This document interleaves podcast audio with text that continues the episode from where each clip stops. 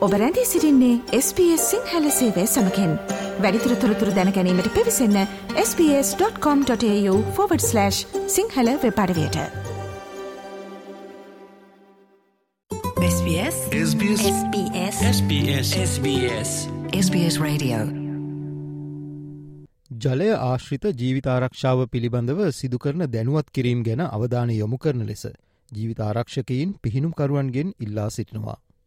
වසර විස්සකට පමණ පසු වාර්තා වුණු වික්ටෝරයාහි දරුණුතම දියගිලීමේ කේදවාචකයෙන් පසු මෙම දැනුවත් කිරීම් සිදුකර තිබෙනවා. ඔවුන් පවසන්නේ අලුතින් පැමිණි සංක්‍රමණිකයින් දියගිලීමිය යාමට වැඩි වශයෙන් ලක්වන බවයි.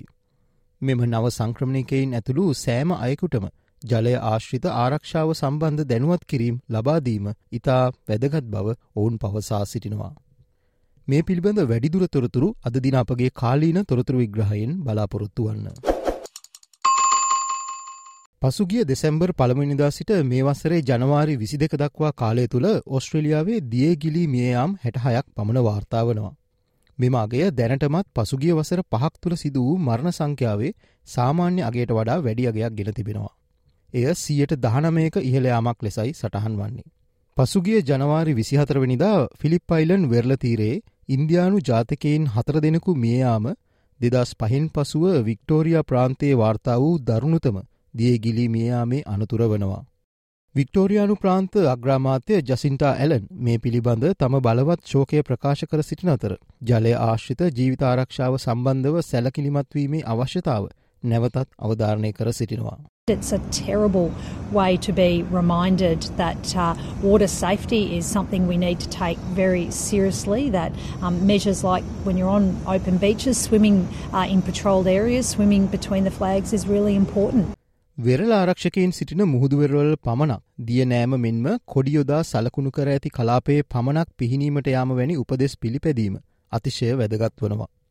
නමුත් මේ සම්බන්ධ කෙරෙන දැනුවත් කිරීම් ජනතාව වෙත ළඟා නොවීම කනස්සල්ලට කාරණයක් බව surf life saving New South වේල්සි ප්‍රධාන විදායක අධ්‍යක්ෂ ස්ටීවන් පියර්ස් පවසා සිටිනවා. The safest location anywhere to come along an Australian beach just to swim or recreate is a patrolled location and that's anywhere where you see you know those red and yellow flags are flying, and because there'll always be volunteer lifesavers and and um, professional lifeguards on duty.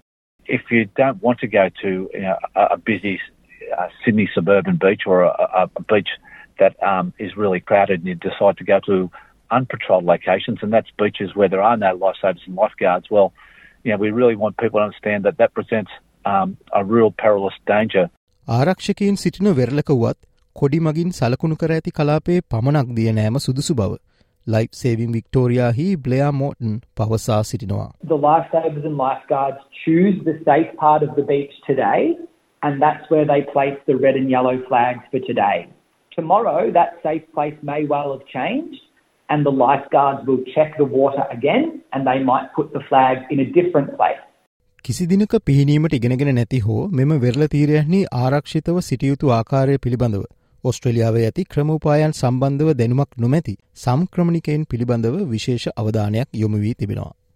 දෙදස් විසි දෙකේ නිකුත් වූ life saving වික්ටෝරයාහි දියගිලීම් සම්බන්ධ වාර්තාවට අනුව පසුගිය වසර දහය තුළ සිදු වූ මරණවලින් සියට හතලිස් දෙකක්ම සංක්‍රමණිකයෙන් වනවා. මේ නිසා ලයිෆ් සේවිං වික්ටෝරයා සහ surf life saving New South Wales වැනි ආයතන ජනතාව දැනුවත් කිරීමේ වැඩසටහන් ඔස්ට්‍රලියාව පුරා සිදු කරනවා. මෙම දැනුවත් කිරීම් ඔවුන්ගේ වෙබ් අඩවියෙන් සහ ඇප් හරහා සිදු කරනවා. මෙහිදී ජලය ආශ්‍රිත ජීවිතාරක්ෂාව සම්බන්ධ ප්‍රධාන කාරණා හයක් සඳහන් කර තිබෙනවා. සලකුණු කර ඇති කලාපයේ පමණක් පිහිනීම තවත් අයෙකු සමග පිහිනීම. සෑම විටම ජලමාර්ග ආශ්‍රිතව ඇති විවිධ සලකුණු ගැන සොයා බැලීම. මුළු දවස පුරා ඔබ සංචාරය කරන ස්ථානයේ කාලගුණය ගැන අවධානයෙන් සිටීම. ජලයට යාමට පෙර කිසිවිටකත් මත්පැන් හෝ මද්‍රව්‍ය භාවිතා නොකිරීම. මාරාන්තික දියවැල් හඳුනා ගැනීම සහ ඔබ මෙම දියවැලකට හසුවහොත් ඉන් බේරීමේ ක්‍රම පිළිබඳව දැනුවත්වීම මෙම ප්‍රධාන කාරණා අයවනවා. මෙම මාරාන්තික දියවැල් අඳුරු පැහැයක් ඇති ජලධාරාවේ. මෙම දියවැල් රළ ගැසීමකින් තොරව වෙරලෙන් ඈතට ඇදියයි. මෙහිදී කලබල නොවීම හා දියවැලට එරෙහිව පිහිනීමට උත්සාහ නොගැනීම ඉතා වැදගත් බව ලයිෆ් සේවිං වික්ටෝරයාහි මෝටන් පවසා සිටිනවා. So what a rip will do is drag you from the from the shoreline right out behind the waves into very deep water. But that's all the rip will do. The rip will stop and it will not drag you underwater. So if you do ever find yourself caught in a rip, the main thing you need to do is conserve energy by floating on your back and raising one hand to get attention from either the lifeguards or from someone else who may be able to help.